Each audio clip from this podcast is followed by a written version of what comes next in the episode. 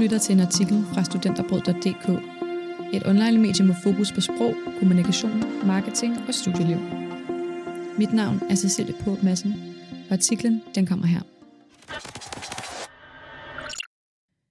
Det er påskeferie, hvilket betyder tid til at lægge studiebøgerne på hylden. Forhåbentlig i hvert fald. Hvis du er en af de heldige, der ikke behøver at tænke over eksamenerne før til sommer, så kan det være, at du har lidt ekstra tid til at læse for fornøjelsens skyld. Redaktionen anbefaler i denne omgang fantasy-romaner, der kan sprede magi over din påskeferie. A Darker Shade of Magic af V.E. Schwab. De fleste af os kender kun til en enkelt London. Men hvad nu, hvis der var flere? Kel er en af de sidste Antari. Magikere, der ved hjælp af blodmagi kan rejse imellem parallelle verdener. Officielt så er Kel ambassadør for Røde Londons kongefamilie Maresh og rejser ofte mellem verdenerne. Uofficielt så er Kjell smugler. Han sælger artefakter til folk, der er villige til at betale i dyre summer for at eje noget fra en verden, de aldrig selv kommer til at se. Efter en handel går skævt, så støder Kjell ind i Delilah Bard, der først røver ham, men derefter hjælper ham, da de begge to indser, at det artefakt, som Kjell forsøgte at bringe med tilbage til Røde London, er fuld af mørk magi, og den spreder sig hurtigt. Ninth House Ali Bardugo. Først og fremmest skal vi lige lave en disclaimer, for Ninth House er bestemt ikke for sejte sjæle. Bogen er fyldt med referencer til og eksplicite beskrivelser af både misbrug, traumer og vold.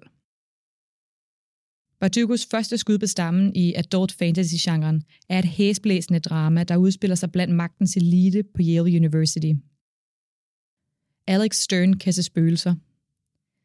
Efter hun sidder tilbage som den eneste overlevende af en tragisk ulykke, så blev hun tilbudt den fulde pakke til Yale University på én betingelse. Hun skal nemlig hjælpe House of Leith, det 9. hus, med at overvåge Yales mange hemmelige societies. Magien er nemlig overalt på universitetet, men i de forkerte hænder kan den få fatale konsekvenser. Anden bog i serien, som hedder Hellbent, er netop udkommet i år, så hvis du sluger bogen råt ligesom jeg gjorde, så behøver du altså ikke vente særlig længe på at få opklaret mysterierne. The Raven Cycle af Maggie Stiebotte. Lægelinjer, magiske skove og synske mødre. I jagten på en død valisisk konge bliver Richard Gansey III's verden viklet ind i Blue Sergeants i et forsøg på at forstå den magi, der siver ind i vores verden. Blue Sergeants mor er klaverjant, og hvert år der hjælper Blue på kirkegården, når hendes mor ser billeder af dem, der vil dø i løbet af det næste år. Blue har aldrig selv kunne se de døde, men i år er det anderledes, for Gansis spøgelse træder nemlig frem for mørket og taler direkte til hende. Inden hun ved af det, så er hendes verden uomtvisteligt forbundet med både Gansi og resten af privatskoledrengenes i et forsøg på at opstøve den gamle valisiske konge via lægelinjerne, der løber igennem deres lille by. The Starless Sea af Aaron Morgenstern. Zachary Ezra Rawlings er kandidatstuderende i Vermont, da han en dag finder en mystisk bog gemt på en hylde i biblioteket. Da han bladrer gennem siderne, fortryllet af fortællingerne om ulykkeligt forelskede fanger, nøglebærer og navnløse præster, bliver han fanget af noget usædvanligt. En historie fra sin egen barndom.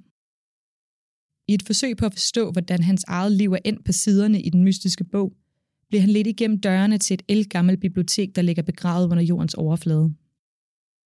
En verden fuld af magi og med fortabte byer. Historier fra de døde, og med elskere, der udveksler noter under dørsprækker og på tværs af tid. Good Omens af Neil Gaiman og Terry Pratchett. Verden går under på lørdag. Næste lørdag, lige før aftensmadstid. Det gør den i hvert fald, hvis man skal tro på profetien, der blev nedfældet af heksen Agnes Nutter, lige inden hun eksploderede. Derfor har det gode og det onde nu fået travlt med at organisere deres styrker, inden dommedagen står for døren. Det viser sig dog at være nemmere sagt end gjort. Antikristus er nemlig blevet væk. Apokalypsens fire rytter har skiftet hestene ud med motorcykler, og repræsentanter fra henholdsvis himlen og helvede har besluttet sig for, at de egentlig ret godt kan lide menneskene. Du lyttede til en artikel fra studenterbrød.dk. Mit navn det er Cecilie på Madsen. Tak fordi du lyttede med.